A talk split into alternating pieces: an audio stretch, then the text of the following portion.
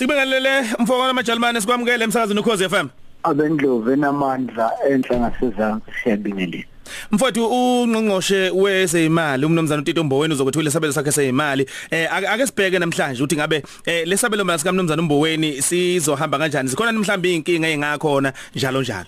Olwezi unyaka wedlule kulolu hlelo ngikhuluma nawe. Ngathi koshaya inhlolanja umnotho wethu uzobusa uguqe ngamadolo. Namhlanje sekunjalo. Izwe liseyikoletini zosigidi intathu abane 4 trillion. Umboweni udinga eh usigidi intathu owodwa 1 trillion. Ngamafuphi ukoleta ukudlula imali onayo noyidingayo. Inkinga esinayo leyo. Sino Eskom onesikweletu esiyisabelo mali seGauteng iminyaka emine. Ngamafuphi leya mali kaEskom mengase uyibambe ungondla iGauteng iminyaka emine isabelo mali sayo. Sinabasebenzi bakahulumeni uhulumeni okufuneka akhethe ukuthi ukhethe ukubadiliza bese eqijelwa imikhonto yepolitiki ngoba inyunyana ngeke ivume noma ufuna ukuthi adilize alungise umnotho wezwe.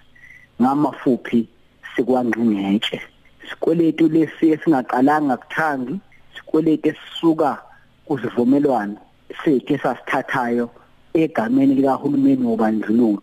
Satsheleka imali ku-World Bank ngo-1993 nomzana uMandela de Klerk neCodesa yonke yatsheleka imali yathi cha sizokwazi ukubaphipha laba bobandlululo. Njengoba sesiyamela nje uDe Klerk sizokwazi ukubaphipha laba bobandlululo ukuze sikwazi ukuthi sibe nedemocracy. Iyabiza ke idemocracy sikulesi sikweletu ngishiya nje ubusela lobu kukhulunywa ngabo.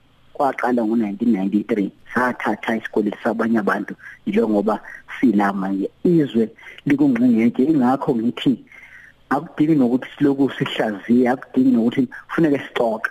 Ukuxoxa kwethu nohulumeni wethu ngasho kulolu hlelo.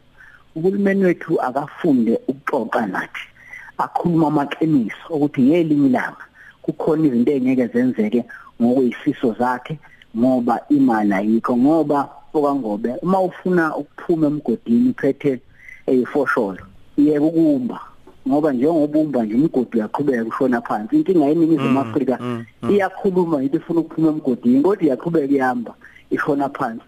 Xoxa nathi hulumeni kusuka nje komnomzana umbuweni mengameli wezwe wondunankulu asixoxeni ukhoza ke libanika ithuba sixoxe sitshene amaqiniso ngoba iqiniso litayikho imali sikweleta osigidi intathu abane.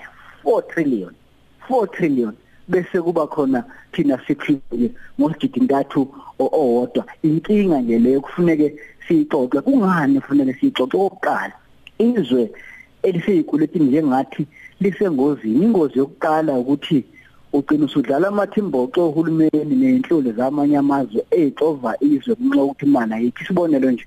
Nangase kube khona inyanga la kuthiwa khona imali yebonelelo nale impesheni nalena eh yababonelwa uhulumeni ayikhishwa ngoba imali ayikho. Hayi ngoba uhulumeni engafisi ukuyikhipha kodwa ayikho. Lingenza kanjani izwe lapha? Ngithi ngani abantu bona bepolitiki abaseparliament abazi abazoxova nalabo befuna bathola imali? Bese liyasha izwe awucabange njengoba nje uSAA uma ngasunika imali 3 bathe bazonika u3 billion uSAA leyo mali uma ngase banikwe namhlanje ngokuphela kwaMarch izobe ngasekho ngenxa yomgodi thula komgodi.